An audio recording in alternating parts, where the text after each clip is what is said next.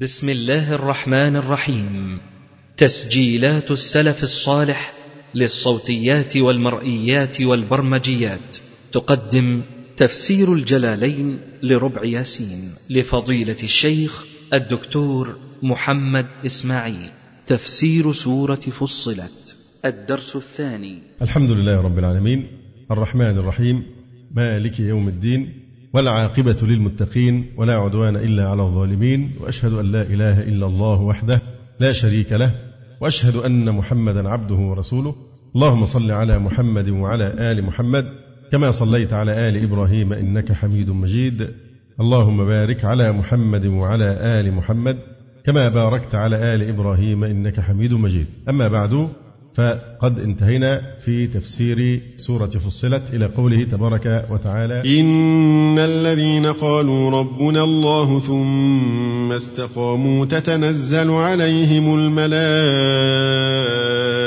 ألا تخافوا ولا تحزنوا وأبشروا وأبشروا بالجنة التي كنتم توعدون. وهذا كلام مستأنف. مسوق للشروع في بيان حال المؤمنين في الدنيا والآخرة بعد بيان حال الكافرين. قوله تعالى إن الذين قالوا ربنا الله ثم استقاموا. يعني ثم استقاموا على التوحيد وغيره مما وجب عليهم.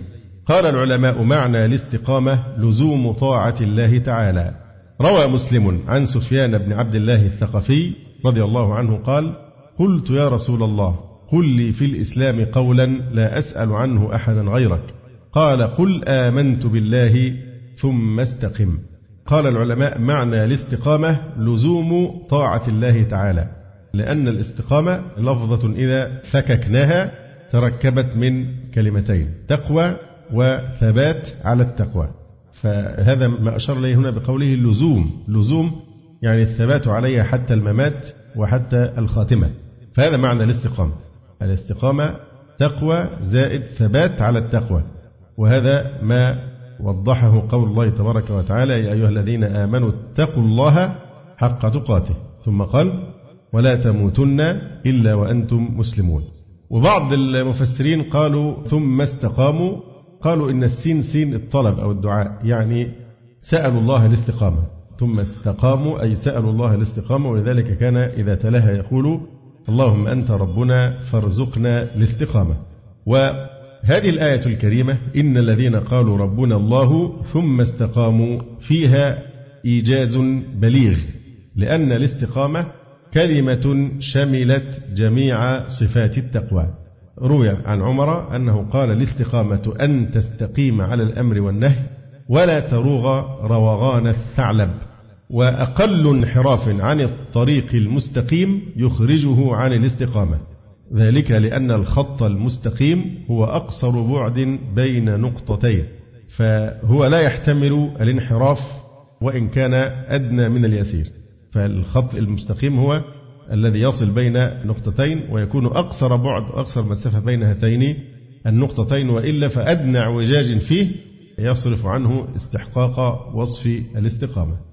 إن الذين قالوا ربنا الله ثم استقاموا. بعض المفسرين قالوا قالوا ربنا الله هذه إشارة إلى التوحيد. ثم استقاموا إشارة إلى الأعمال الأعمال الصالحة وتكاليف الإيمان. وبعضهم قال إن الذين قالوا ربنا الله ثم استقاموا بمعنى ثبتوا على هذا كله. والحديث الحقيقة من الأصول الإسلام الحديث الذي رواه أبو عمرو سفيان بن عبد الله الثقفي رضي الله تعالى عنه قال قلت يا رسول الله قل لي في الإسلام قولا لا أسأل عنه أحدا غيرك وفي رواية أحدا بعدك. قال قل ربي الله ثم استقم. وفي رواية قال قل آمنت بالله ثم استقم قلت فما أتقي؟ فأخذ بلسان نفسه وقال كف عنك هذا. أو في رواية أخرى قلت ما أخوف ما تخاف عليه فأخذ بلسان نفسه صلى الله عليه وآله وسلم. تتنزل عليهم الملائكة عند الموت. هذا هو المشهور.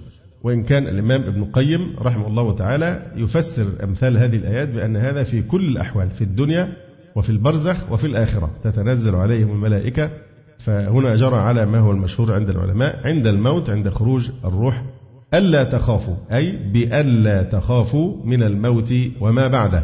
ولا تحزنوا على ما خلفتم من أهل وولد فنحن نخلفكم فيه.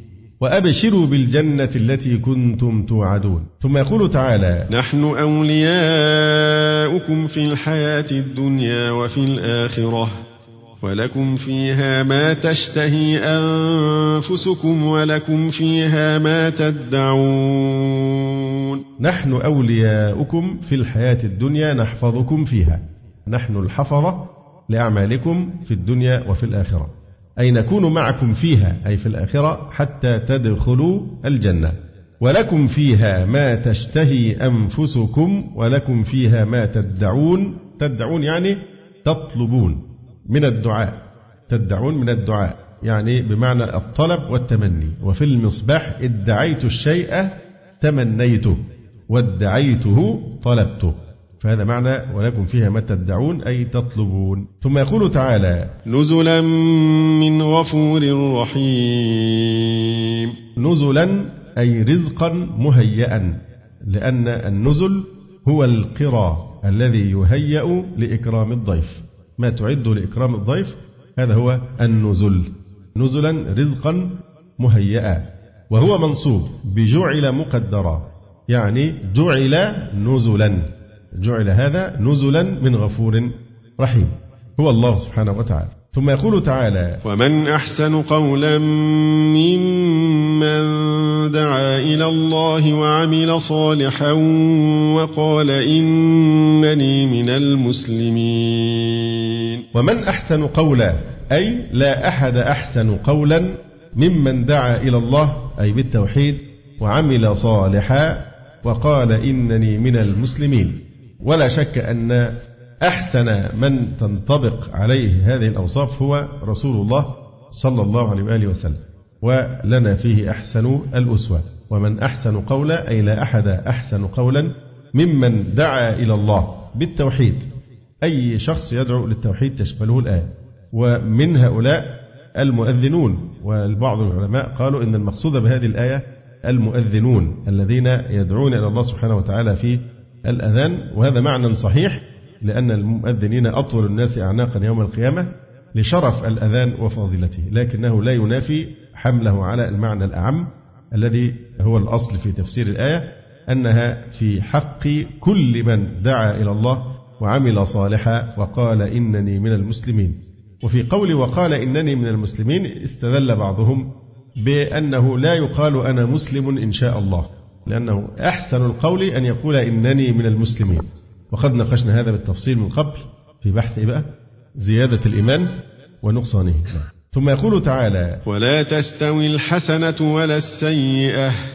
ادفع بالتي هي أحسن فإذا الذي بينك وبينه عداوة كأنه ولي حميم. هذا كلام مستأنف. مسوق لتشريع المعاملة بين البشر بعد بيان حسن المعاملة بين العبد وبين ربه عز وجل. ولا تستوي الحسنة ولا السيئة في جزاءاتهما لأن بعضهما فوق بعض. يعني الحسنات تتفاوت والسيئات أيضا كذلك. كل منهما يتفاوت فالحسنات ليست كلها على درجة واحدة وإنما تتفاوت وكذلك السيئات هذا وجه في التفسير. يبقى ولا تستوي الحسنة يعني أنواع الحسنات ليست كلها على درجة واحدة بعضها فوق بعض ولا السيئة كذلك. هذا تفسير. وجه آخر قيل المراد بالحسنة الإيمان والطاعة وبالسيئة الشرك والمعصية وهما لا يستويان. ادفع بالتي هي أحسن. ادفع السيئة بالتي أي بالخصلة التي هي أحسن كالغضب بالصبر والجهل بالحلم. والإساءة بالعفو. فإذا الذي بينك وبينه عداوة كأنه ولي حميم. فإذا الذي إذا هذه للمفاجأة إذا الفجائية والفاء الفصيحة لأنها جواب شرط مقدر. والتقدير إذا دفعت بالتي هي أحسن فإذا الذي بينك وبينه عداوة كأنه ولي حميم. فيصير عدوك كالصديق القريب في محبته إذا فعلت ذلك. فالذي مبتدأ وكأنه الخبر وإذا ظرف مكان لمعنى التشبيه. وقوله عز وجل كأنه ولي حميم في ابن البلاغة هنا تشبيه مرسل مجمل ذكرت فيه أداة التشبيه وحذف وجه الشبه. ثم يقول تعالى وما يلقاها إلا الذين صبروا وما يلقاها إلا ذو حظ عظيم. ما إعراب الها في قوله ما يلقاها؟ مفعول به ثان. وما يلقاها؟ هذا مفعول به ثان. أي ما يؤتى الخصلة التي هي أحسن يعني في مقابلة السيئات بالحسنة إلا الذين صبروا وما يلقاها إلا ذو حظ إلا أداة حصر إلا ذو حظ يعني نصيب وافر من ثواب الله تعالى عظيم وهو الجنة. ثم يقول تعالى وإما ينزغنك من الشيطان نزغ فاستعذ بالله إنه هو السميع العليم. وإما فيه إدغام نون إن الشرطية في ما الزائدة. هي إن ما. فإن شرطية وما زائدة فأدغمت النون في الميم. وإما ينزغنك من الشيطان نزغ. نزغ ينزغ من باب ضرب يضرب. نزغا بين القوم يعني أفسد. ويقال نزغ الشيطان بينهم أي أغرى بعضهم ببعض. من بعد أن نزغ الشيطان بيني وبين إخوتي. فقول هنا وإما ينزغنك النزغ هو هو النسغ بالسين وكلاهما يشبه النخس. والشيطان ينزغ الإنسان كأنه ينخسه ببعثه وتحريضه على ما لا ينبغي. والمراد هنا الوسوسة. وإما ينزغنك من الشيطان نزغ يعني مراد به حينما يؤز الشخص على المعاصي والمخالفات فهذا هو نزغ الشيطان ونخسه يقال نزغه الشيطان إلى المعاصي أي حثه. ونزغ الشيطان وساوسه وما يحمل الإنسان على المعاصي. وإما أنزغنك من الشيطان نزغ ما إعراب الكاف في قوله تعالى ينزغنك وفكروا قبل أن تجيبوا أكيد مش بسألكم عشان تقولوا إن الكاف مفعول به. عايز كلمة جنبها. فانتبهوا قبل الإجابة. أي اتفضل. فينك من زمان؟ اتفضل. هو مفعول به. فين الفاعل؟ طيب لما تعرب نزغ هتقول عليها إيه؟ فاعل بس ولا بنقول فاعل ماله؟ مؤخر. طيب ومفعول بقى؟ الكاف مفعول مقدم. بس دي المسألة. فانتبهوا لمثل هذا. وإما ينزغنك فالكاف هنا مفعول به مقدم. أدام مقدم يبقى الفاعل مؤخر. فين المدور عليه بقى؟ بعدين هتلاقيه نزغ يبقى فاعل إيه؟ مؤخر.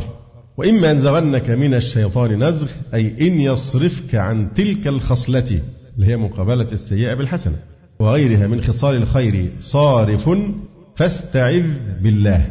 هذا هو جواب الشرط. وجواب الأمر محذوف. فاستعذ بالله استعذ أمر. أين جواب الأمر؟ محذوف. يعني استعذ بالله يدفعه عنك. إنه هو السميع للقول العليم بالفعل. ثم قال تعالى ومن آياته الليل والنهار والشمس والقمر لا تسجدوا للشمس ولا للقمر واسجدوا لله الذي خلقهن إن كنتم إياه تعبدون. قوله تعالى ومن آياته الليل والنهار والشمس والقمر لا تسجدوا للشمس ولا للقمر. قيل إن في هذا إشارة إلى صلاتي الكسوف والخسوف أن هذه السنة حينما تخسف الشمس فلا ينبغي أن تربط بأي شيء سوى أنها من آيات الله لا يخسفان لموت أحد ولا لحياته وإنما هذه الآيات تخويفية. واسجدوا لله الذي خلقهن. طيب الآيات التي ذكرت هنا هي إيه؟ الليل مذكر والنهار مذكر والقمر مذكر والشمس هي الوحيدة الإيه؟ المؤنثة. ومع ذلك قال تعالى واسجدوا لله الذي خلقهن آه، لأنها تشير إلى الآيات الأربع المذكورة. فلذلك عبر عن الأربع بضمير الإناث مع أن فيها ثلاثة مذكرة والعادة تغليب المذكر على المؤنث لأنه لما قال ومن آياته فنظم الأربعة في سلك الآيات صار كل واحد منها آية فعبر عنها بضمير الإناث. إن كنتم إياه تعبدون. هذا شرط. جوابه تقديره إيه؟ فاسجدوا له. ثم يقول تعالى فإن استكبروا فالذين عند ربك يسبحون له بالليل والنهار وهم لا يسأمون.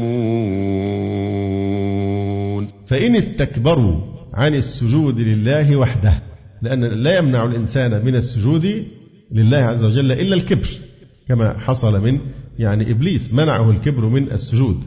فإن استكبروا عن السجود لله وحده.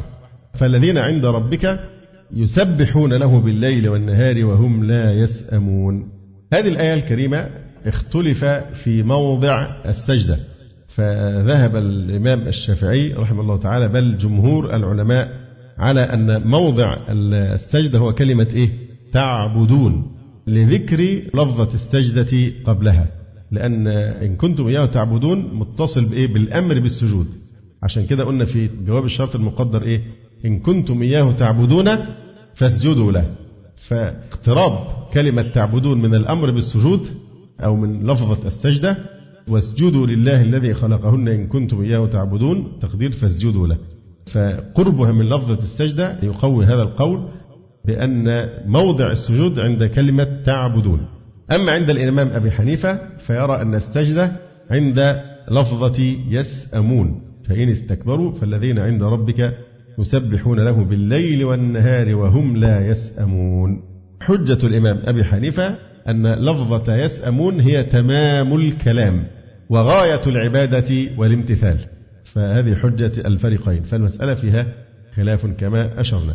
قوله تعالى فإن استكبروا فالذين عند ربك يسبحون له بالليل والنهار وهم لا يسأمون. فالذين عند ربك الفاء هنا تعليل لجواب الشرط المحذوف. الفاء فإن استكبروا فالذين عند ربك يسبحون له.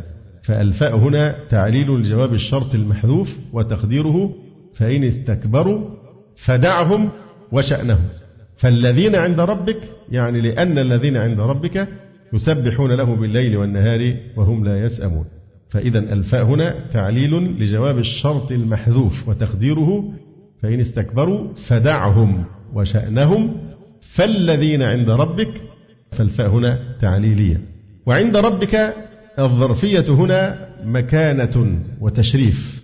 وتعبير عن الزلفى والكرامة والمقصود بهم الملائكة فالذين عند ربك. لأن أحيانا السجود يكون في موضع إما فيه أمر بالسجود وإما فيه ثناء على الملائكة بأنهم إيه؟ يسجدون لله فنحن نتشبه بهؤلاء الملائكة. يسبحون يعني يصلون له بالليل والنهار وهم لا يسأمون لا يملون. يعني لا يملون من التسبيح يقول القاضي كنعان فالملائكة عابدون مسبحون ليلا ونهارا لأنهم لا ينامون ولا يعصون الله ما أمرهم ويفعلون ما يؤمرون. أما البشر فقد يعتريهم الملل من الطاعة والعبادة إذا شددوا على أنفسهم لأنهم يحسون بالتعب ويحتاجون إلى الراحة. لذلك رفع الله تعالى عنا الحرج فقال وما جعل عليكم في الدين من حرج. ولم يكلفنا إلا ما نطيق. لا يكلف الله نفسا إلا وسعها. وقال صلى الله عليه وسلم هلك المتنطعون؟ قالها ثلاثة. وهؤلاء هم المتشددون في غير موضع التشديد. وقال صلى الله عليه وسلم عليكم بما تطيقون. فوالله لا يمل الله حتى تملوا.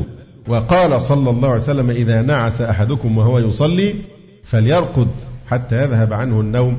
فإنه إذا صلى وهو ناعس لعله يذهب يستغفر فيسب نفسه. ثم يقول تعالى ومن آياته أنك ترى الأرض خاشعة فإذا أنزلنا عليها الماء اهتزت وربت. إن الذي أحياها لمحيي الموتى. إنه على كل شيء قدير. ومن آياته أنك يعني أيها المخاطب العاقل أنك ترى الأرض خاشعة. ما إعراب خاشعة حال. نعم. ترى الأرض خاشعة. حال. يعني يابسة لا نبات فيها. فإذا أنزلنا عليها الماء اهتزت وربت. اهتزت أي تحركت. هل جملة اهتزت لها محل من الإعراب؟ هل سمعتم سؤالي هل جملة اهتزت لها محل من الإعراب. لماذا؟ لأنها إيه؟ نعم لأنها وقع في جواب شرط إيه؟ إذا إذا لا تجزم فإذا أنزلنا عليها الماء اهتزت فهذه الجملة لا محل لها من الإعراب. اهتزت يعني تحركت وربت ربت انتفخت وعلت قبل أن تنبت. يقال للموضع المرتفع ربوة ورابية وربت أيضا تأتي بمعنى تشققت فارتفع ترابها وخرج منها النبات. وسما في الجو مغطيا لوجهها وتزخرفت الأرض بذلك النبات كأنها بمنزلة المختال في زيه. لما كانت قبل ذلك كالذليل. ومن آتها أنك ترى الأرض خاشعة. خاشعة يعني إيه؟ كأنها ذليلة. المقصود خاشعة يعني لا نبات فيها يابسة. لا نبات فيها. لكن انظر إلى هذه المقابلة هنا. في الأول كانت خاشعة أي ذليلة. لماذا؟ لأنها يابسة لا نبات فيها. فإذا أنزلنا عليها الماء اهتزت تحركت وربت انتفخت وعلت. وربت. يعني تشققت فارتفع ترابها وخرج منها النبات وسما في الجو مغطيا لوجهها وتزخرفت بذلك النبات كأنها بمنزلة المختال في زيه الذي يختال بسبب ملابسه القشيبة. لما كانت قبل ذلك كالذليل خاشعة إن الذي أحياها لمحيي الموتى. هذا تعليل لاهتزاز الأرض اليابسة وربوها. تعليل لما وصفه آنفا وهو اهتزاز الأرض الخاشعة اليابسة ثم ربوها بعد ذلك.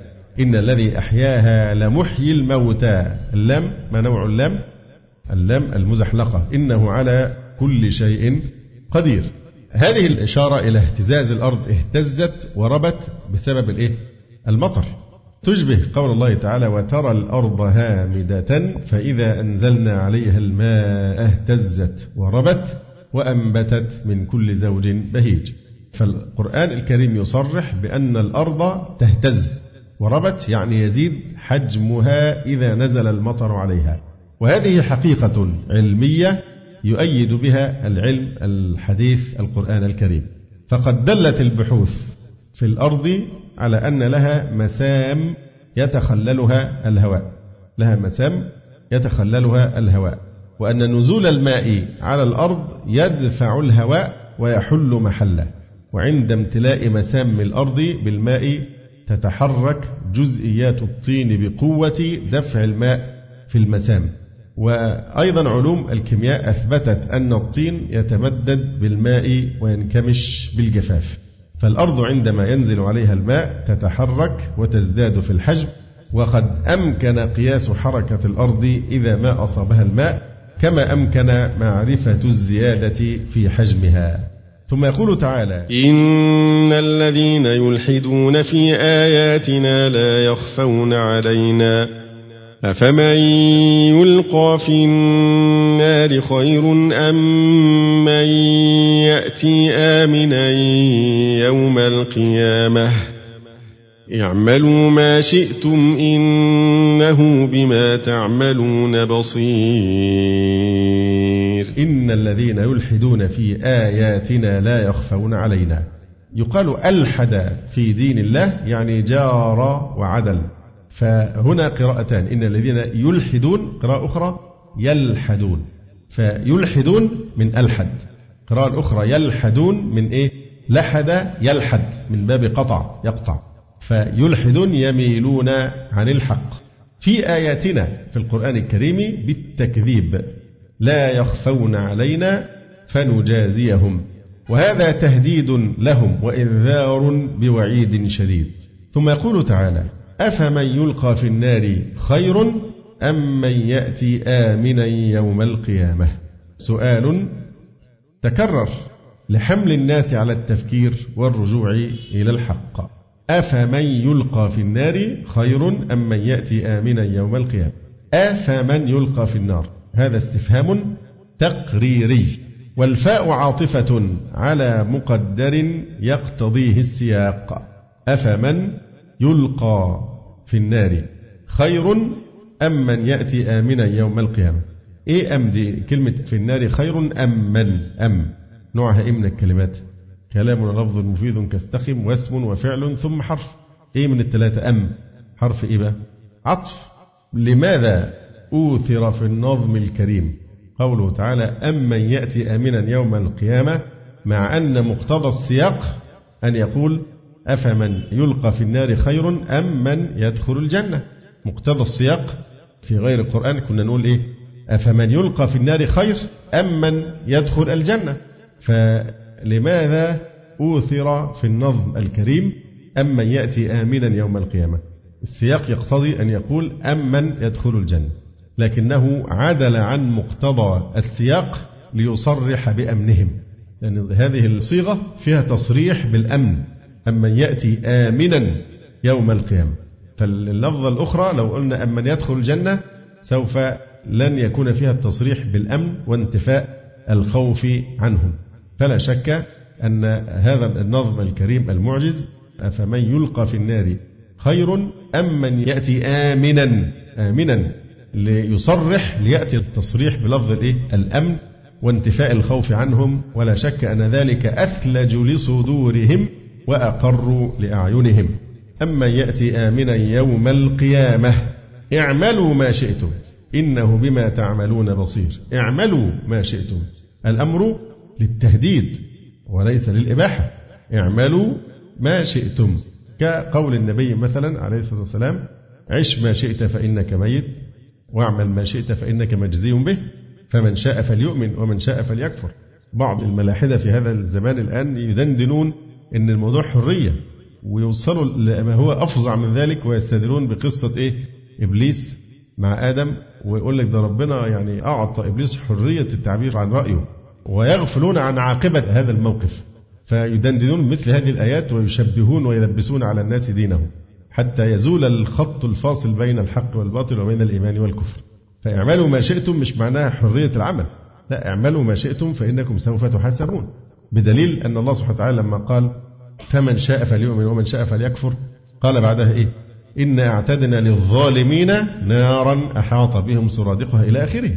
هنا اعملوا ما شئتم هذا أمر للتهديد والوعيد. اعملوا ما شئتم إنه بما تعملون بصير تهديد لهم ثم قال تعالى إن الذين كفروا بالذكر لما جاءهم وإنه لكتاب عزيز. إن الذين كفروا بالذكر لما جاءهم. الذكر القرآن الكريم. لما جاءهم سوف نجازيهم على كفرهم به. هذا هو الجواب أو الخبر. إن الذين كفروا بالذكر لما جاءهم سوف نجازيهم على كفرهم به. أول الخبر اللي هو إيه؟ إن الذين كفروا بالذكر لما جاءهم لا يخفون علينا. يعني محذوف تقديره لا يخفون علينا. أو تقديره إن الذين كفروا بالذكر لما جاءهم معذبون أو مهلكون. وفي تقدير الخبر وجوه أخر. وإنه لكتاب عزيز. إن الذين كفروا بالذكر لما جاءهم وإنه لكتاب عزيز. تلاحظوا طبعا هنا في رسم المصحف الشريف حاطين علامة إيه؟ الوصل أو لا. طيب الواو هنا نوعها إيه؟ وإنه لكتاب عزيز. الواو تكون إيه بقى؟ حالية. الواو حالية. عشان كده لفت نظركم إلى أن الكلام متصل. يعني الذكر جاءهم وإنه والحال أن هذا الكتاب أو الذكر الذي جاءهم لكتاب عزيز. فالواو حالية. علشان كده واضعين هنا علامة إيه؟ صلي. الوصل أو لا. عشان تاخد بالك أن الواو هنا حالية. فيكون الكلام متصلا. إن الذين كفروا بالذكر لما جاءهم وإنه أي الذكر لكتاب عزيز. يعني جاءهم والحال أنه كتاب عزيز. وإنه لكتاب عزيز. اللام لكتاب عزيز. اللام اللام إيه؟ المزحلقة. وإنه لكتاب عزيز أي منيع. طيب إيه إعراب بقى جملة وإنه لكتاب عزيز؟ طبعا مش إحنا قلنا الواو حالية؟ يبقى الجملة في محل نصب إيه؟ حال. وإنه لكتاب عزيز أي ممتنع عن أن ينال منه أحد بحماية الله وكلاءته. ويؤيده قوله تعالى إنا نحن نزلنا الذكر وإنا له لحافظون. فإذا عزيز يعني منيع منيع. لا يمكن التطرق إليه بتحريف أو تغيير أو تبديل. ثم يقول تعالى لا يأتيه الباطل من بين يديه ولا من خلفه تنزيل من حكيم حميد. لا يأتيه الباطل من بين يديه ولا من خلفه. ليس قبله كتاب يكذبه ولا بعده ولا يناله تحريف أو تبديل. تنزيل من حكيم حميد أي الله المحمود في أمره عز وجل. ثم يقول تعالى ما يقال لك إلا ما قد قيل للرسل من قبلك. إن ربك لذو مغفرة وذو عقاب أليم. هذا كلام مستأنف مسوق لتسليته صلى الله عليه وسلم على ما يناله من أذاهم. ما يقال لك إلا ما قد قيل للرسل من قبلك. لست وحدك في هذا السبيل وإنما سنة الله الجارية مع جميع الأنبياء أنهم يؤذون من قومهم. ما يقال لك من التكذيب إلا مثل ما قد قيل للرسل من قبل. قد قيل. قد هنا بقى إيه؟ حرف تحقيق. كقولهم شاعر وكاهن فلا تحزن ولا تهتم لقولهم. إن ربك لذو مغفرة للمؤمنين وذو عقاب أليم للكافرين. ثم يقول تعالى ولو جعلناه قرآنا أعجميا لقالوا لولا فصلت آياته أأعجمي وعربي. قل هو للذين آمنوا هدى وشفاء. والذين لا يؤمنون في آذانهم وقر وهو عليهم عمى. أولئك ينادون من مكان بعيد. فهذا كلام مستأنف مسوق للرد على تساؤلهم. هل لا أنزل القرآن بلغة العجم؟ فجاء الجواب ولو جعلناه قرآنا أعجميا. ولو جعلناه أي الذكر قرآنا أعجميا. ما أعرب قرآنا مفعول به ثان. ولو جعلناه قرآنا أعجميا طيب أعجميا صفة أو نعت. والياء هنا ولو جعلناه قرآنا أعجميا الياء هنا للمبالغة في الوصف وليس النسب فيه حقيقيا. قال الرازي الياء هنا في قوله أعجميا كياء كرسي. أما الأعجمي فهو الذي لا يفصح ولا يفهم كلامه. ولو جعلناه أي الذكر قرآنا أعجميا أي غير عربي وجاءهم به محمد صلى الله عليه وآله وسلم لقالوا لولا فصلت آياته. طبعا لقالوا هذه اللام واقعة في جواب الشرط. لولا أي هلا فهي حرف تحضيض. لولا فصلت أي بينت آياته بلسان نفهمه ونفقه. لولا فصلت آياته بينت حتى نفهمها.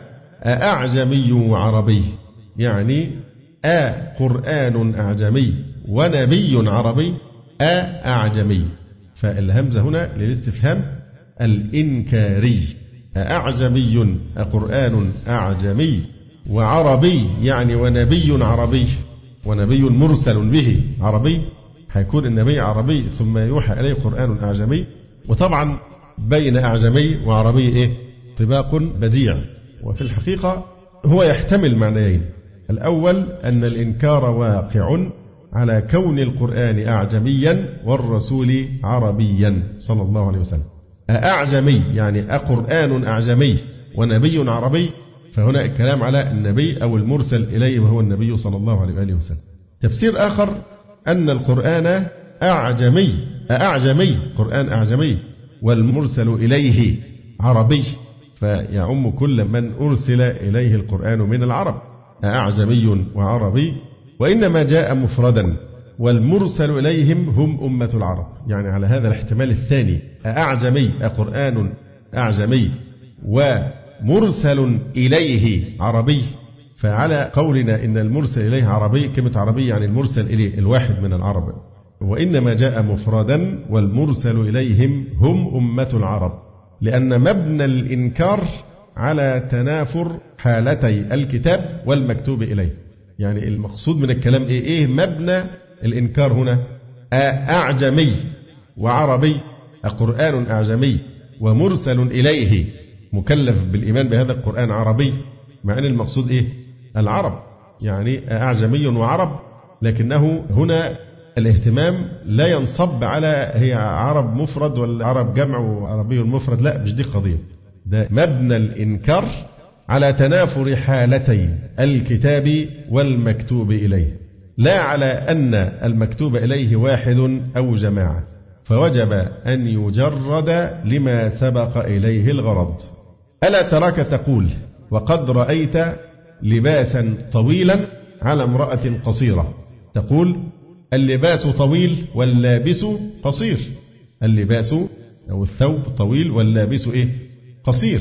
ولو قلت اللباس طويل واللابسة قصيرة جئت بما هو لكنة وفضول قول. ما يستساغ إنك تقول اللباس طويل واللابسة قصيرة. لا لأن الكلام لا يقع في ذكورة اللابس أو أنوثته وإنما وقع في غرض وراءهما فصح الطباق.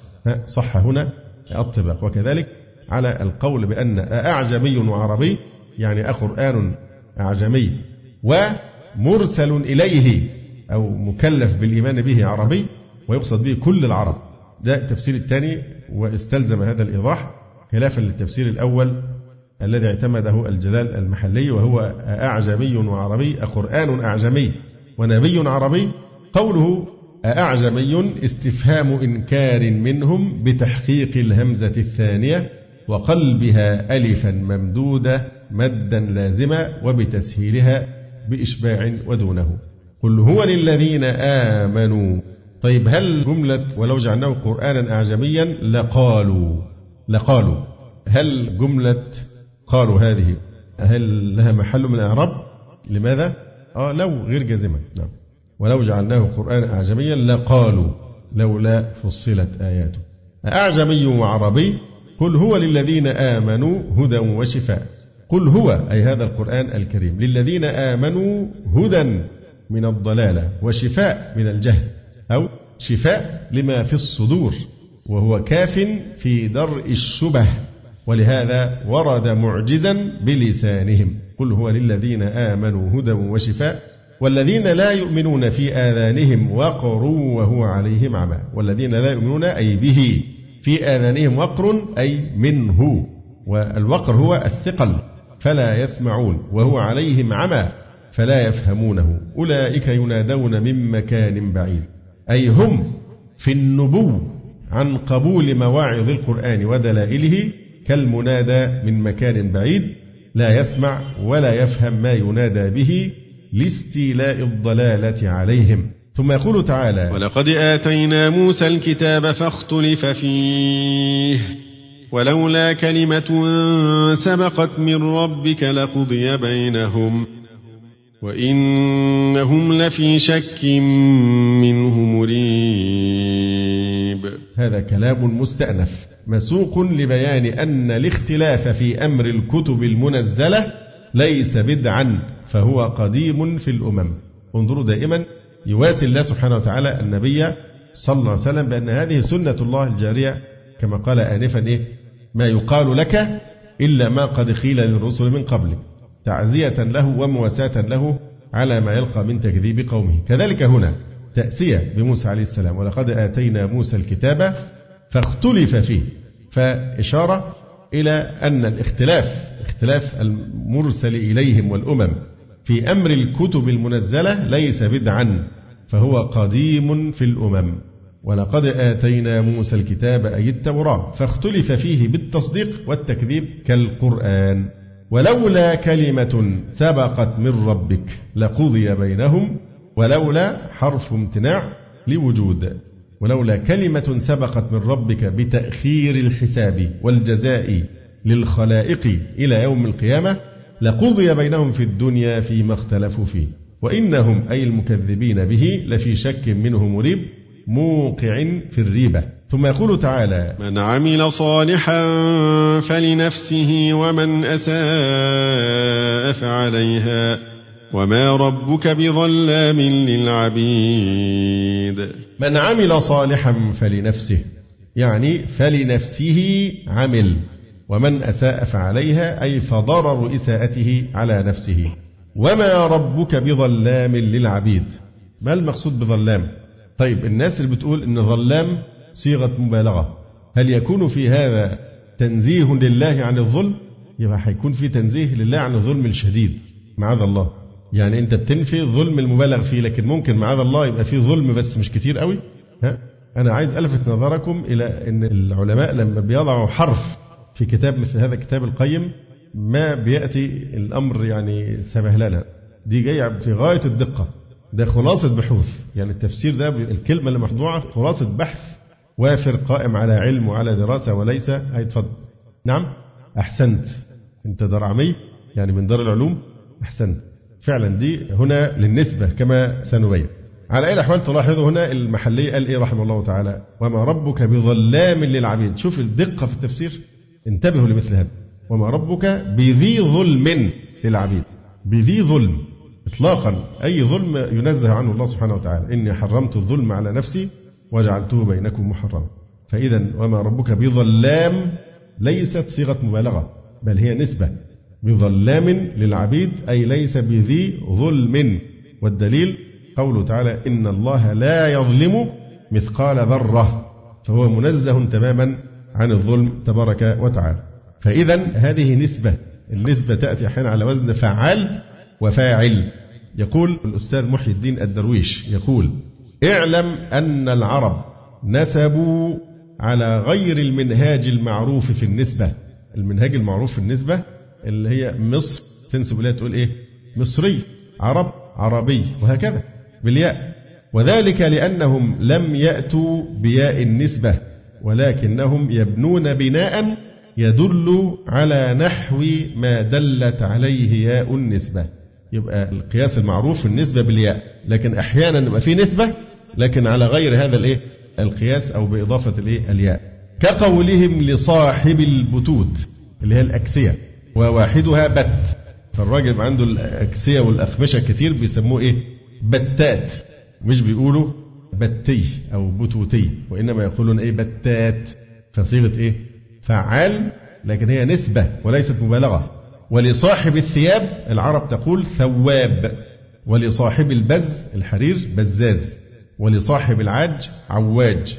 ولصاحب الجمال التي ينقل عليها جمال. ولصاحب الحمير التي ينقل عليها حمار. وللصيرفي صراف. ما هي دي نسبة إلى الصرف لكن ما بيقولوش إيه؟ صرفي وإنما صراف. وهو أكثر من أن يحصى. كالعطار. ما هي دي نسبة. اللي بيع العطور العطار. والنقاش وهذا النحو إنما يعملون فيما كان صنعة ومعالجة للتكثير إذ صاحب الصنعة مداوم لصنعته فهذا للتكثير. فجعل له البناء الدال على التكثير وهو فعال بتضعيف العين لأن التضعيف للتكثير. وما كان من هذا ذا شيء وليس بصنعة أتوا بها على صيغة فاعل. يعني لو شيء من هذا مش هيستعملوا برضه في النسبة الياء. لكن ما بتكثرش من فاعلها بيأتوا على صيغة إيه؟ فاعل نعم. وذلك لأن فاعلا هو الأصل وإنما يعدل عنه إلى فعال للمبالغة. فإذا لم ترد المبالغة جيء به على الأصل لأنه ليس فيه تكثير. يعني إحنا الأمثلة اللي قلناها دايما في الناس اللي هي دي صنعتها. فلذا ده من صنعته بيعملها كتير. نقاش عطار. صراف حمار جمال عواج ثواب إلى آخره. فالآن دي صنعته فيمارسها كثيرا. فدي بتيجي في النسبة بتاعتها بالصيغة فعال تفيد التكثير. إذا كانت ليست بهذه المثابة لا يكثر منه ذلك فيقال إيه؟ مثلا لصاحب الدرع يقال دارع. دارع يعني لابسا إيه؟ درعه. صاحب النبل يقال عليه إيه؟ نابل. ما نقولش نبال مثلا ها؟ ولذي النشاب يقال ناشب. ولذي اللبن لابن. لابن يعني عنده لبن. لكن انت اللبان اللي بيبيع اللبن بتسميه إيه؟ لبان. لكن لابن صاحب اللبن هو جايبه عشان يشتري مستهلك. ولذي التمر تامر. وقال الحطيئة وغررتني وزعمت أنك لابن بالصيف تامر. وغررتني وزعمت أنك لابن بالصيف تامر. إنك أنت في الصيف هيكون عندك إيه؟ لبن وتمر. فمعنى لابن أي ذو لبن وتامر ذو تمر. وإن كان شيء من هذه الأشياء صنعة يداومها صاحبها نصب على فعال فيقال لمن يبيع اللبن والتمر لبان. طبعا ده بيبيعوا شيء كثير. وتمار ولمن يرمي بالنبل نبال. قال امرؤ القيس وليس بذي رمح فيطعنني به وليس بذي سيف وليس بنبالي وربما جمعوا بين اللفظين في شيء واحد. قال الحطيئة دع المكارم لا ترحل لبغيتها واقعد فإنك أنت الطاعم الكاسي يقصد فإنك أنت المطعوم المكسو وهذا القبيل وإن كان كثيرا واسعا ليس بالقياس بل هو مقتصر على السماع. فلا يقال لبائع البر برار ولا لصاحب الفاكهة فكاه. بيتقال عليه فاكهي. وحمل عليه كثير من المحققين كما قال ابن مالك. وما ربك بظلام للعبيد. أي بذي ظلم. والذي حملهم على ذلك. أن النفي منصب على المبالغة. يبقى النفي هنا إيه؟ لو قلنا وما ربك بظلام للعبيد. إن المنفي هذا المعنى في ظلام اللي هو التكثير أو المبالغة. فهذا يترتب عليه إيه؟ ثبوت أصل الفعل. وإنما المنفي هو إيه؟ ما زاد على أصل الفعل وهو المبالغة. والعياذ بالله في الظلم. والله تعالى منزه عن ذلك. فإذا هذه نسبة على وزن فعال وفي تفسيرها يتحتم أن تقول إيه؟ وما ربك بظلام للعبيد يعني وما ربك بذي ظلم للعبيد كما قال المحلي هنا أي بذي ظلم لقوله تعالى إن الله لا يظلم مثقال ذرة. ثم قال تعالى إليه يرد علم الساعة وما تخرج من ثمرات من أكمامها وما تحمل من أنثى ولا تضع إلا بعلمه ويوم يناديهم أين شركائي؟ قالوا آذنا كما منا من شهيد. إليه يرد علم الساعة. يعني متى تكون؟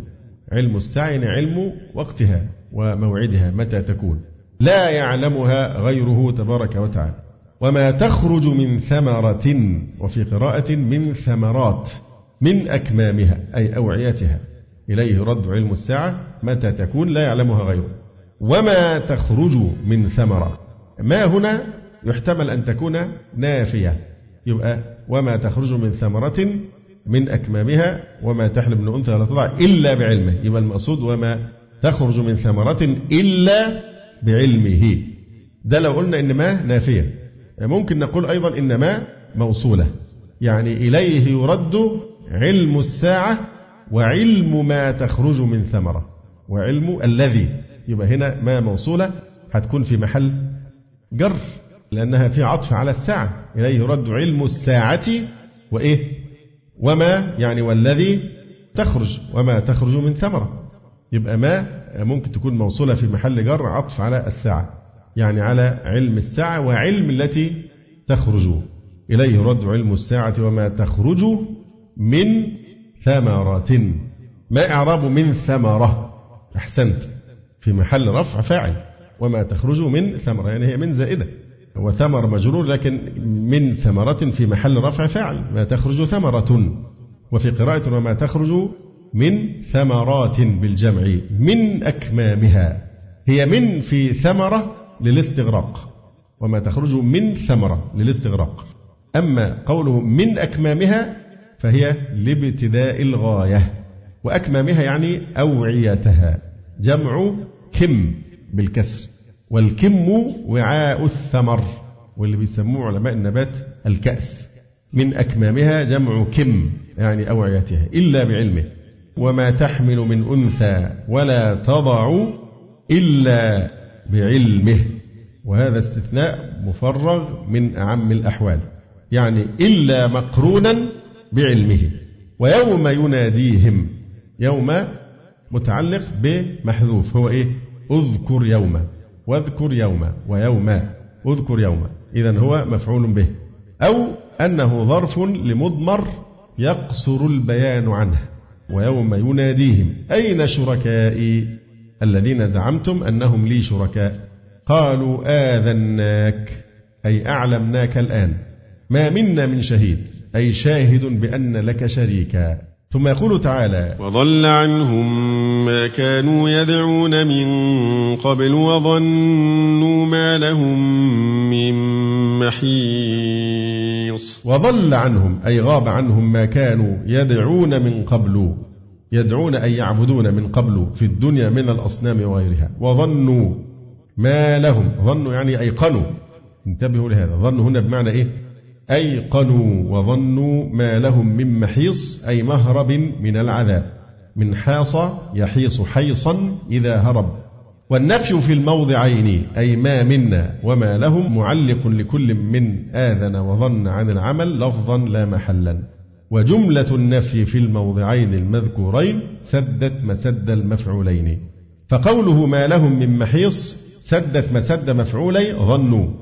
وقول ما منا من شهيد سدد مسد المفعول الثاني لآذناك وكاف ضمير الخطاب هي المفعول الأول لأن آذن يتعدى إلى مفعول بنفسه وإلى آخر بحرف جر. وتقدير الكلام آذناك بقولنا ما منا من شهيد. ثم يقول تعالى لا يسأم الإنسان من دعاء الخير وإن مسه الشر فيئوس قنوط. لا يسأم الإنسان من دعاء الخير هذا كلام مستأنف للشروع في وصف الإنسان في حالتي شدته ورخائه. لا يسأم الإنسان من دعاء الخير يعني من دعائه الله الخير. مش بيدعو الخير نفسه وإنما يدعو الله أن يرزقه الخير. أي لا يزال يسأل ربه المال والصحة وغيرهما وإن مسه الشر الفقر والشدة فيئوس قنوط. فيئوس يعني فهو يئوس قنوط. إذا ما إعراب قنوط؟ خبر ثان أحسنت. وإن مسه الشر فيئوس فيئوس يعني فهو يئوس. يبقى يئوس خبر لإيه؟ لهو. قنوط خبر ثان من رحمة الله. وهذا وما بعده في الكافر. قنوط يعني يقطع الرجاء من فضل الله وروحه. وهذا وما بعده في الكافر. أولا لأن اليأس من روح الله لا يكون إلا من الكافر. إنه لا ييأس من روح الله إلا القوم الكافرون. لأنه فيه سوء ظن بالله عز وجل. ثم إن السياق أيضا يؤكد أنه في الكافر. ولئن أذقناه رحمة إلى قوله وما أظن الساعة قائمة. يبقى دي أكيد في إيه؟ في الكافر. يبقى المقصود هنا به الكافر. يقول وهذا وما بعده في الكافر. قول وإن مسه الشر فيئوس قنوط. اليأس والقنوط قيل هما مترادفان. يبقى هنا هيكون توكيد. إذا كان مترادفين فيئوس قنوط هتبقى قنوط توكيدا لإيه؟ ليئوس. قيل هما مترادفان من غير فارق بينهما. كلاهما يعني قطع الرجاء من الرحمة. وقيل هناك فرق. اليأس اللي هو انقطاع الرجاء من حصول الخير هو صفة من صفات القلب ييأس بالقلب. أما القنوط فهو ظهور آثار اليأس على ظاهر البدن فيتضاءل وينكسر. يبقى اليأس شعور داخلي والقنوط أثره الذي يعني أثر اليأس حينما يظهر على ظاهر البدن فيتضاءل وينكسر. الفرق بين اليأس والقنوط مثلا بين حسن الظن بالله عز وجل والرجاء بين التواضع والمهانة بين المهابة والتكبر والشجاعة والجرأة والنصيحة والغيبة والهدية والرشوة والعفو والذل والرجاء والتمني وحب الرياسة وحب الإمارة والفرق بين التوكل والعجز والموجدة والحقد. إيه الكتاب اللي بنلاقي فيه عناوين زي دي وأكثر منها؟ توضيح هذه الفروق. ما هو الكتاب الذي أشبع هذه المسألة بحثا؟ أحسنت. الروح للإمام ابن القيم. في فصول يعني طويلة في مثل هذا وهو مفيد جدا. كتاب الروح ابن القيم جايب كل الفروق دي. فستجدونها هناك بالتفصيل مفيدة جدا يحسن يعني الاستفادة منها. ثم يقول تعالى ولئن أذقناه رحمة منا من بعد ضراء مسته ليقولن هذا لي وما أظن الساعة قائمة ولئن رجعت إلى ربي إن لي عنده للحسنى فلننبئن الذين كفروا بما عملوا ولنذيقنهم من عذاب غليظ. ولئن أذقناه اللم لام القسم ولئن أذقناه آتيناه رحمة أي غنى وصحة منا. من بعد ضراء شدة وبلاء مسته. لا يقولن هذا لي. إذا هذه اللام لام لاستحقاق. لام الاستحقاق هذا لي يعني أنا أستحقه بعملي. أستحقه بعملي. هذا لي أي بعملي. وما أظن الساعة قائمة. إعراب قائمة؟ مفعول به ثان. ولئن رجعت إلى ربي. ولئن رجعت. هذه لام القسم. رجعت إلى ربي افتراضا. هو بيقول يعني افتراضا حتى لو في يوم قيامة. فكما كرمني في الدنيا سوف يكرمني في الآخرة. فلا بد من تقدير كلمة إيه؟ افتراضا. ولئن رجعت إلى ربي إن لي عنده للحسنى. جملة إن لي عنده للحسنى دي جواب إيه بقى؟ جواب قسم. فهذه الجملة لا محل لها من الإعراب. طيب ما منع اللام هنا؟ إن لي عنده للحسنى؟ اللام المزحلقة. والحسنى المقصود بها الجنة. فلننبئن الذين كفروا بما عملوا. بما دي؟ بما. دي في محل إيه بقى؟ لا أسأل عن نوعها. أحسنت. أحسنت. هي فلننبئن الذين كفروا بما عملوا في محل نصب مفعول ثان لإيه؟ لننبئن بما عملوا. ما بقى هنا؟ ما. يحتمل أن تكون بما عملوا موصولة. يبقى فلننبئن الذين كفروا بما يعني بالذي عملوه. أو يحتمل أنها تكون إيه؟ مصدرية. فلننبئن الذين كفروا بما عملوا يعني إيه؟ بعملهم ما مصدرية. ولنذيقنهم من عذاب غليظ. ما إعراب من عذاب. أحسنت في موضع المفعول الثاني. غليظ أي شديد. واللام في الفعلين لام قسم ثم يقول تعالى وإذا أنعمنا على الإنسان أعرض ونأى بجانبه وإذا مسه الشر فذو دعاء عريض وإذا أنعمنا ما إعراب أنعمنا؟ الجملة في محل إيه؟ وإذا أنعمنا أنعمنا في محل إيه بقى؟ جر بإضافة الظرف إليها مش إذا دي ظرف وإذا أنعمنا فتكون في محل جر بإضافة الظرف إليها. على الإنسان والمراد به جنس الإنسان. الإنسان هنا الجنس. أعرض يعني عن الشكر ونأى بجانبه ونأى بجانبه بتأخير الهمزة عن الألف. كقال ناء ناء بجانبه دي اقرأ ناء بجانبه كقال أي ثنى عطفه متبخترا وترفع عن الانقياد إلى الحق. وفي قراءة بتقديم الهمزة على الألف بوزن رمى نأى وهي نفس المعنى نفس المعنى يعني ثنى عطفه متبخترا وترفع عن الانقياد إلى الحق وإذا مسه الشر فذو دعاء عريض أي كثير فوصف الدعاء بصفة الإيه؟ الأجرام والأجسام إنه بيكون له طول وعرض لماذا؟ لكثرته وديمومته فذو دعاء عريض لكثرته وديمومته والعرض من صفات الأجرام ويستعار له الطول أيضا. لكن استعارة العرض أبلغ لأنه إذا كان عرضه كذلك فما ظنك بطوله؟ ثم يقول تعالى قل أرأيتم إن كان من عند الله ثم كفرتم به؟ من أضل ممن هو في شقاق بعيد. قل أرأيتم؟ أرأيتم؟ أخبروني. دي اسم فعل إيه بقى؟ أمر بمعنى أخبرني. أرأيت؟ أخبرني. اسم فعل أمر بمعنى أخبرني. قل أرأيتم أي أخبروني عن حالتكم العجيبة. إن كان أي القرآن الكريم إن كان من عند الله كما قال النبي صلى الله عليه وآله وسلم. ثم كفرتم به. يبقى جملة ثم كفرتم كفرتم دي معطوفة على إيه؟ على كان من عند الله. ثم كفرتم به. إذا جواب الشرط هنا محذوف. تقديره فأنتم أضل من غيركم أو ليس ثمة أضل منكم. ثم كفرتم به. من؟ يعني لا أحد. أضل ممن هو في شقاق بعيد. شقاق أي خلاف بعيد عن الحق.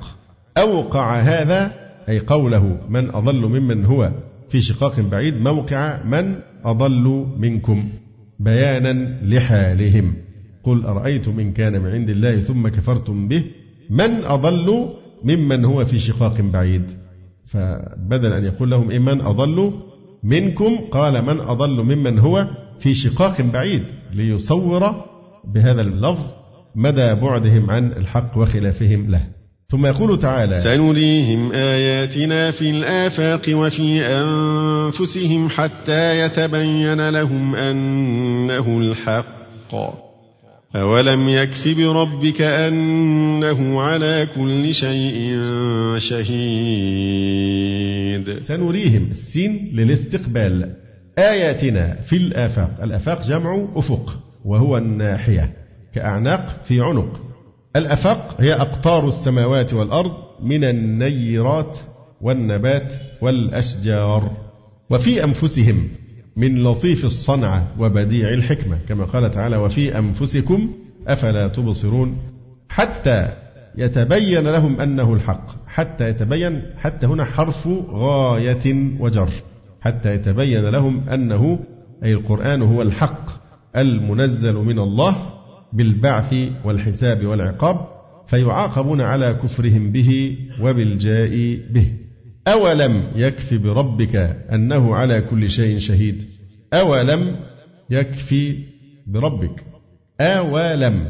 طبعا الهمزة هنا للاستفهام الإنكاري التوبيخي. آوى الواو حرف عطف على مقدر يقتضيه السياق.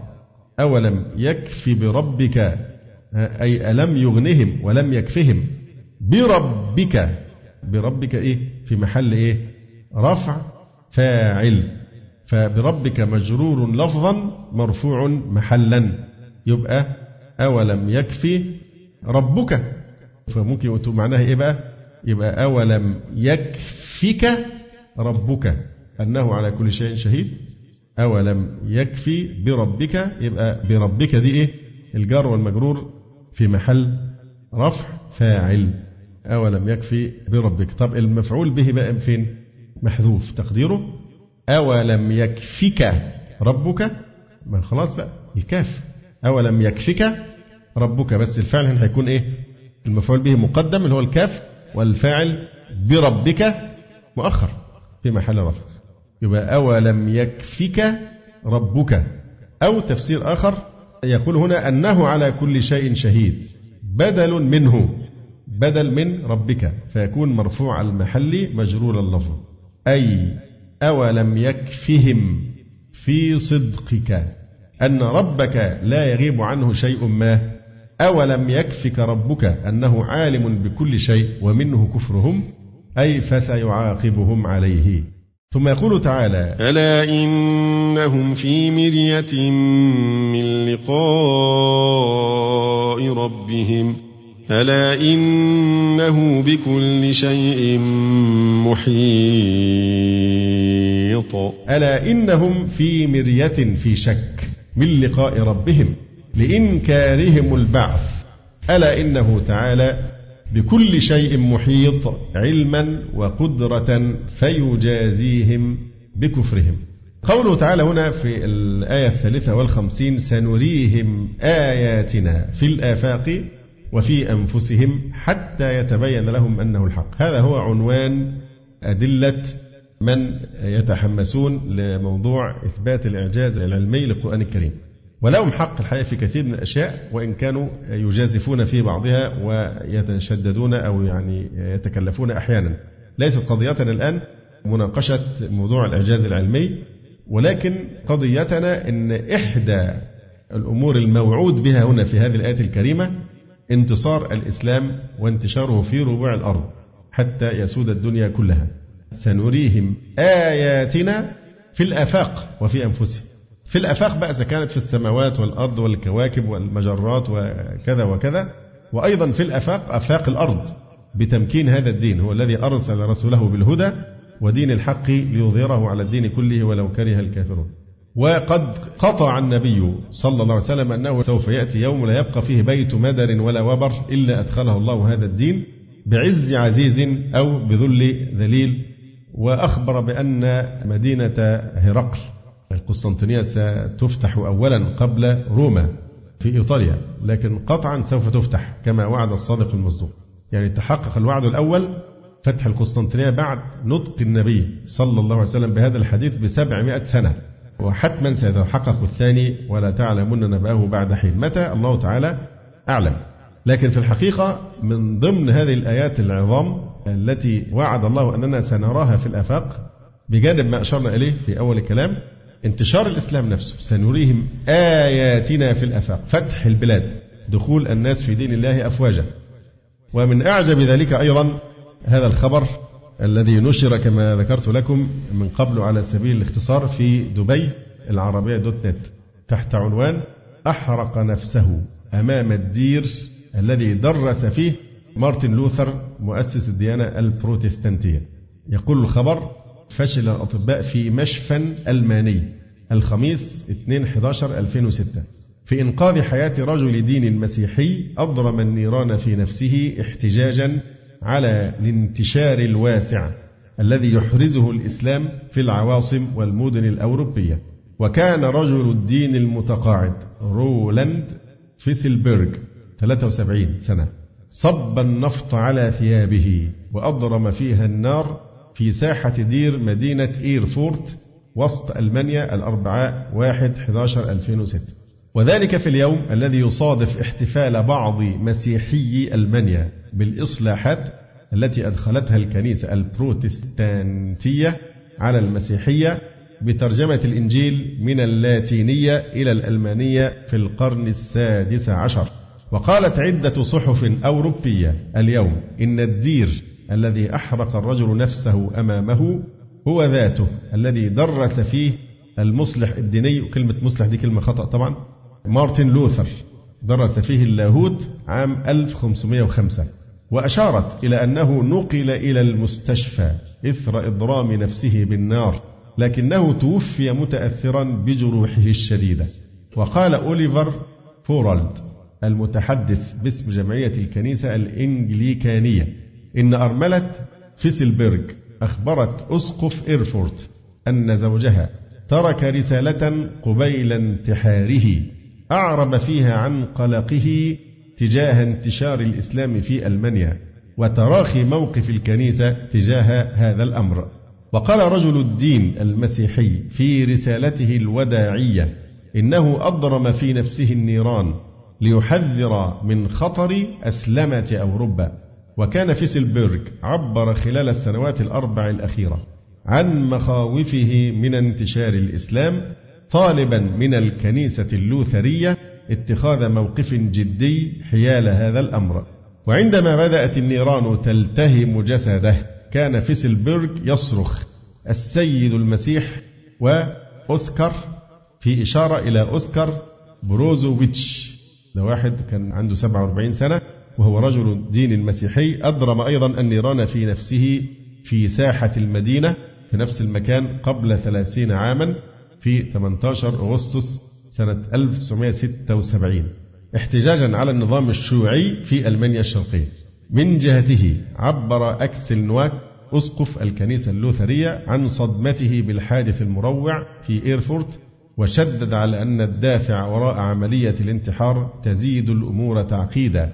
وقال نواك إنه يرجو ألا يتسبب هذا الحادث في توتر بين المسلمين والمسيحيين وأكد أن المسيحيين يرفضون الحروب الثقافية.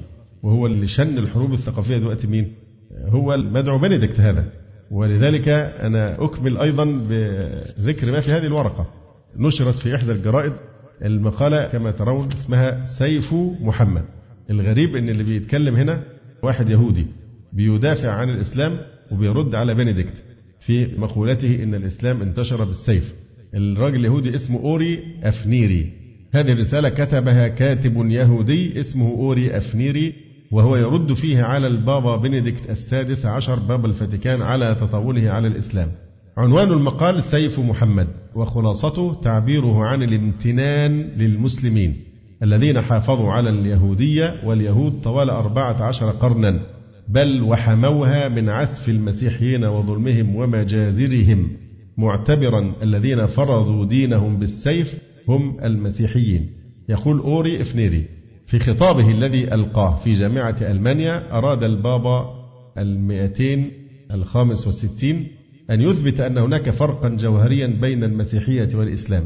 بينما ترتكز المسيحية على المنطق فإن الإسلام ينكره. بينما يرى المسيحيون منطقا في أعمال الله ينكر المسلمون أي منطق في أعمال الله. يدعي البابا أن النبي محمدا عليه الصلاة والسلام قد أمر أتباعه بنشر دينه بقوة السيف. وهذا أمر غير منطقي على حد تعبير البابا لأن الروح هي مصدر الإيمان وليس الجسد فكيف يمكن للسيف أن يؤثر على الروح؟ في أواخر القرن الرابع عشر روى القيصر عن منويل الثاني عن نقاش أجراه على حد زعمه. بيقول هذا أمر مشكوك فيه. هذا اليهودي بيقول إن البابا ممكن يكون مؤلف القصة دي. يعني بين قوسين بيقول هذا أمر مشكوك فيه. مع مثقف فارسي مسلم مجهول وفي خضم النقاش قال القيصر بخشونة على حد قوله أمام شريكه في الحديث أرني شيئا جديدا أتى به النبي محمد صلى الله عليه وسلم. وسترى أشياء سيئة وغير إنسانية فقط مثل أمر نشر دينه بقوة السيف. تثير هذه الأقوال ثلاثة أسئلة. أولا لماذا قالها القيصر ثانيا هل هي صحيحة؟ ثالثا لماذا كررها البابا الحالي؟ هل هناك حقيقة في ادعاء القيصر عن منويل؟ لقد شكك البابا ذاته بأقواله كلاهوتي حقيقي له سمعته. لا يمكنه أن يسمح لنفسه بتزييف ما هو مكتوب. ولذلك ذكر أن النبي محمدا صلى الله عليه وسلم قد منع في القرآن بشكل واضح نشر الدين بقوة السيف. لقد اقتبس من سورة البقرة الآية 256 اللي هي لا إكراه في الدين. بنديكت قال الآية رقم إيه؟ 256 يقول صحيح أن البابا لا يخطئ هو بيسخر يعني لكنه أخطأ هنا. لقد قصد الآية 257 لأنه بيعتقد في عصمة البابا فهو قال الآية 256 فيقول لا هو يعني ما بيخطئش صحيح بس أخطأ هنا أن هي الآية 257 لقد جاء فيها لا إكراه في الدين. كيف يتجاهلون قولا بسيطا وقاطعا إلى هذا الحد؟ يدعي البابا أن هذه الآية قد كتبت في بداية طريق محمد. بيقول دي كان بيقولها في وقت الإيه؟ الضعف لسه في المرحلة المكية. وطبعا سورة البقرة مدنية. بينما كان ما يزال يفتقر إلى القوة ولكن مع مرور الوقت أمر باستخدام السيف من أجل الدين. لا يوجد لمثل هذه الوصية أي ذكر في القرآن صحيح أن النبي محمدا قد دعا إلى استخدام السيف في معارك ضد خصومه من القبائل المسيحيين واليهود في شبه الجزيرة العربية إلى آخره. بيقول إيه الراجل اليهودي بيقول كلمة عجيبة جدا. بيقول إيه يسوع المسيح قال تعرفونهم من ثمارهم. وده شيء عجيب لأن هو المسيح أما قال هذه الكلمة لما أخبر بظهور أنبياء كذبة. فقالوا للمسيح كما في الرواية عندهم في الإنجيل كيف نعرف الكذبة من الصادقين؟ قال من ثمارهم تعرفونه ودي أحد أدلة صدق النبوة. أي نبي تريد أن تثبت نبوته بنثبتها بإيه؟ بست طرق. الصفات الشخصية لصاحب الرسالة الآثار التي تركها في العالم اللي هي دي بقى الثمار. من ثمارهم تعرفونه المعجزات البشارات النبوءات ثم الشريعة نفسها الإسلام نفسه يشهد لنفسه. يعني هو أيضا الإسلام نفسه شاهد على صحته. فهنا يقول الرجل اليهودي يقول يسوع المسيح قال تعرفونه من ثمارهم. علينا أن ننظر إلى تعامل الإسلام مع الديانات الأخرى حسب اختبار بسيط. كيف تصرفوا خلال أكثر من ألف سنة بينما كانت القوة بين أيديهم؟ يعني المسلمون خلال ألف سنة حكموا بها العالم وكانوا أقوى دولة على وجه الأرض. كيف تصرفوا؟ وكان باستطاعتهم نشر دينهم بقوة السيف ولكنهم لم يفعلوا ذلك. على العكس لقد شغل اليونانيون وظائف كبيرة في الحكم العثماني. كما أن شعوب أوروبا المختلفة مثل البلغاريين والصرب والرومانيين والهنغاريين هو المجر الذين عاشوا فترات طويلة تحت حكم الأتراك قد تشبثوا بدينهم النصراني إن أحدا لم يجبرهم على اعتناق الدين الإسلامي وظلوا مسيحيين متدينين. لقد أسلم الألبان وكذلك البوسنيون ولكن أحدا منهم لا يدعي بأنهم قد أكرهوا في ذلك. يعني هو بالنسبة لانتحار هذا الأسيس اللي حرق نفسه ده. السؤال الذي وجه لبنديكت وأمثاله وأضرابه إيه هو السؤال؟ من الذي أكره هؤلاء الذين يدخلون في الإسلام في عقر داركم في أوروبا على الدخول في الإسلام؟ هو الآن انتحر عشان وطبعا على طول بنربطها بالآية الكريمة في سورة الحج. من كان يظن أن لا ينصره الله في الدنيا ولا في الآخرة فليمدد بسبب إلى السماء ثم ليقطع. فلينظر هل يذهبن كيده ما يغيظ؟ هل هذا الذي أحرق نفسه؟ كاد الإسلام بشيء أم كاد نفسه؟ يعني زي واحد بيزعل واحد. فيقولوا أنت بتزعلني ويروح جاي كده في السيف بتاع البطن مثلا العمود ويخبط راسه. طب بتزعلني؟ طب أهو. أو يخلق نفسه. ماشي إيه المشكلة؟ يعني أنت تضر نفسك. هل يضر الحق شيئا؟ هل يهتز انتشار الإسلام بانتحار هذا الهالك؟ فالشاهد يعني أن السؤال الذي يفرض نفسه هنا أنت انتحرت حتى تلفت النظر في أوروبا إلى معدل سرعة انتشار إيه؟ الإسلام في أوروبا وأنها على وشك أن تسلم يعني تدخل في الإسلام. خشي من أسلمة أوروبا. طيب وفي الوضع الحالي بقى اللي فيه المسلمين اللي هم عايشين في الغرب الآن في حالة الضعف والشتات وإلى آخره والقهر الذي يمارسه الغرب ضد المسلمين في ديارهم فين السيف الذي أجبر هؤلاء على الدخول في الإسلام؟ اللي وصل خلاك أنك بتنتحر. أين السيف؟ أين القوة التي تقهر الناس على الدخول في الدين؟ يعني هذا أقوى رد على هذا الدجل. يقول وفي عام 1099 احتل الصليبيون القدس وذبحوا سكانها المسلمين واليهود دون تمييز. وكانت هذه الأمور تنفذ باسم يسوع طاهر النفس. في تلك الفترة وبعد 400 سنة من احتلال المسلمين للبلاد كان معظم سكان البلاد ما زالوا من المسيحيين. طيلة كل تلك الفترة لم تجري أي محاولة لفرض دين محمد عليه الصلاة والسلام على السكان. بعد أن طرد الصليبيون من البلاد فقد بدأ معظمهم بتبني اللغة العربية. واعتناق الدين الإسلامي وكان معظم هؤلاء هم أجداد الفلسطينيين في أيامنا هذه وعشان كده بنلاقي الجماعة بتوع الشام وبالذات فلسطين والمنطقة دي فيهم ملامح الايه؟ الأوروبيين لأن دول اللي أسلموا لما عاشوا جم في الحروب الصليبية ومكثوا واستقروا قعدوا حوالي 400 سنة ثم أسلموا بعدما رحلت الإيه؟ القوات الصليبية حتى أثر على الملامح أهل الشام بالذات في فلسطين بسبب إيه؟ نزوح هؤلاء ودخولهم في الإسلام. طبعا لا كرها وكان معظم هؤلاء هم أجداد الفلسطينيين في أيامنا هذه. لم تعرف أي محاولة لفرض دين محمد عليه الصلاة والسلام على اليهود. لقد تمتع يهود أسبانيا تحت حكم المسلمين بازدهار لم يسبق له مثيل في حياة اليهود حتى أيامنا هذه تقريبا. شعراء مثل يهودا هيلفي كانوا يكتبون باللغة العربية. كذلك الحاخام موشي ابن ميمون الرمام. كان اليهود في الأندلس المسلمة وزراء شعراء علماء. طبعا وزراء دي للأسف يعني. ودي اللي جابت لنا المآسي سواء في تركيا أو في غيرها. لقد عمل في طليطلة المسلمة مسلمون يهود ومسيحيون معا على ترجمة كتب الفلسفة والعلوم اليونانية القديمة. دي أيضا كارثة ثانية لقد كان ذلك عصرا ذهبيا بالفعل. يعني ده كلامه على قد حاله يعني. هيدافع عن السلفية يعني؟ كيف كان لهذا أن يحدث كله لو كان النبي محمد قد أمر أتباعه بنشر الإيمان بقوة السيف؟ ولكن المهم هو ما حدث لاحقا حين احتل الكاثوليكيون أسبانيا من أيدي المسلمين فقد بسطوا فيها حكما من الإرهاب الديني. لقد وقف اليهود والمسلمون أمام خيار قاس اعتناق المسيحية أو الموت أو الهرب. وإلى أين هرب مئات آلاف اليهود الذين رفضوا تغيير دينهم؟ عايزين بقى اليهود يردوا لنا الجميل. يعني إيه؟ يوقفوا بس المذابح اللي في إيه؟ اللي في فلسطين. وهذه الجرائم. وإلى أين هرب مئات آلاف اليهود الذين رفضوا تغيير دينهم؟ لقد استقبل معظمهم على الرحب والسعة في الدول الإسلامية. لقد استوطن يهود الأندلس من المغرب في الغرب وحتى العراق في الشرق. من بلغاريا تحت حكم الأتراك آنذاك في الشمال وحتى السودان في الجنوب. لم تتم ملاحقتهم في أي مكان. يعني هم ما وجدوا أمانا إذاء المذابح الأسبان إلا فين؟ إلا في كنف الدولة الإسلامية. وما زالت آثارهم ناطقة فين؟ في بلاد في المغرب. ده في وزير السياحة هناك يهودي. الله المستعان. يقول لم تتم ملاحقتهم في أي مكان. لم يواجهوا هناك أي شيء يضاهي تعذيب محاكم التفتيش. ولهيب المحارق والمجازر والطرد الذي ساد في معظم الدول المسيحية حتى حدوث الكارثة. لماذا؟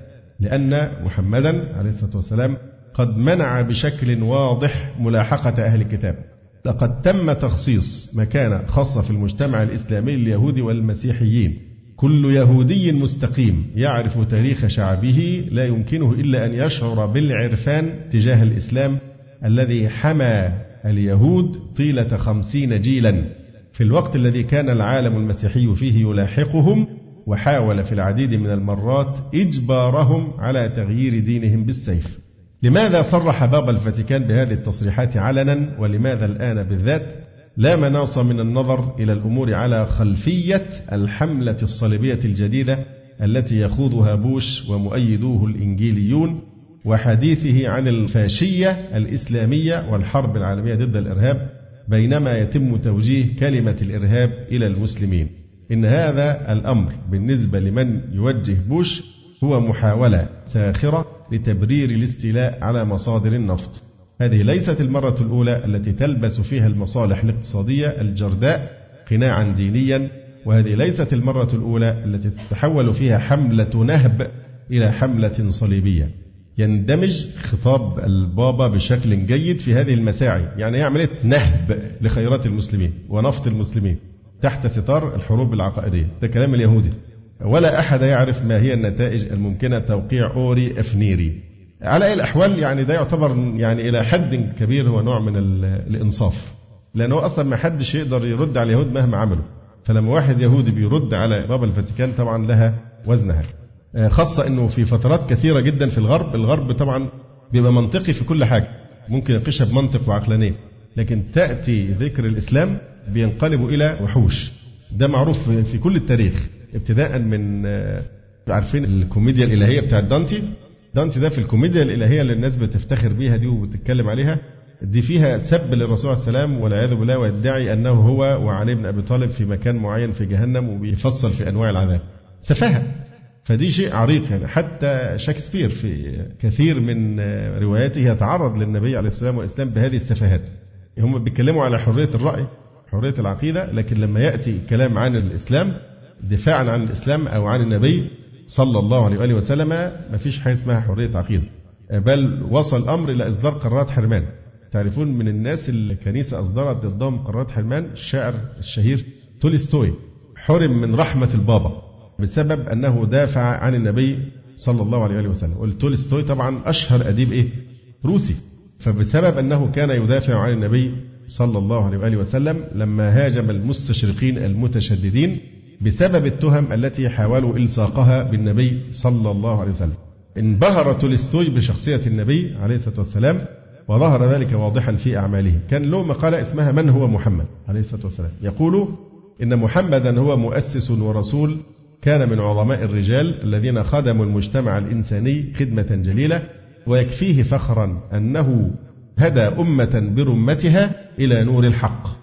وجعلها تجنح إلى السكينة والسلام وتؤثر عيشة الزهد ومنعها من سفك الدماء وتقديم الضحايا البشرية وفتح لها طريق الرقي والمدنية وهو عمل عظيم لا يقدم عليه إلا شخص أوتي قوة ورجل مثله جدير بالاحترام والإجلال. طبعا جزاء هذا الكلام رغم أنه كلام أقل مما يستحقه النبي قطعا لكن حتى هذا الكلام البسيط الهادئ عوقب عليه بقرار حرمان حرموه من الجنة في زعمهم أو من رحمة البابا. فهذه عقلية الغرب. يعني عند الإسلام بتبقى عقولهم تتحول إلى ما يشبه النعال. لكن ممكن يتكلم في أي قضية علمية بطريقة هادئة ومتزنة لكن لما بيجي ذكر الإسلام بيتحولون إلى شيء ثاني كفانا الله سبحانه وتعالى وسائر المسلمين شرهم ونسأل الله سبحانه وتعالى أن يمكن لدينه وأن يحبط كيد أعدائه. وأقول قولي هذا وأستغفر الله لي ولكم. سبحانك اللهم ربنا وبحمدك أشهد أن لا إله إلا أنت أستغفرك وأتوب إليك. وفي الختام تقبلوا تحيات إخوانكم في تسجيلات السلف الصالح بالإسكندرية. هاتف رقم صفر ثلاثة فاصل أربعة تسعة أربعة سبعة ستة خمسة اثنان. والتليفون محمول صفر عشرة واحد ستة أربعة واحد تسعة ثمانية صفر. والسلام عليكم ورحمة الله وبركاته.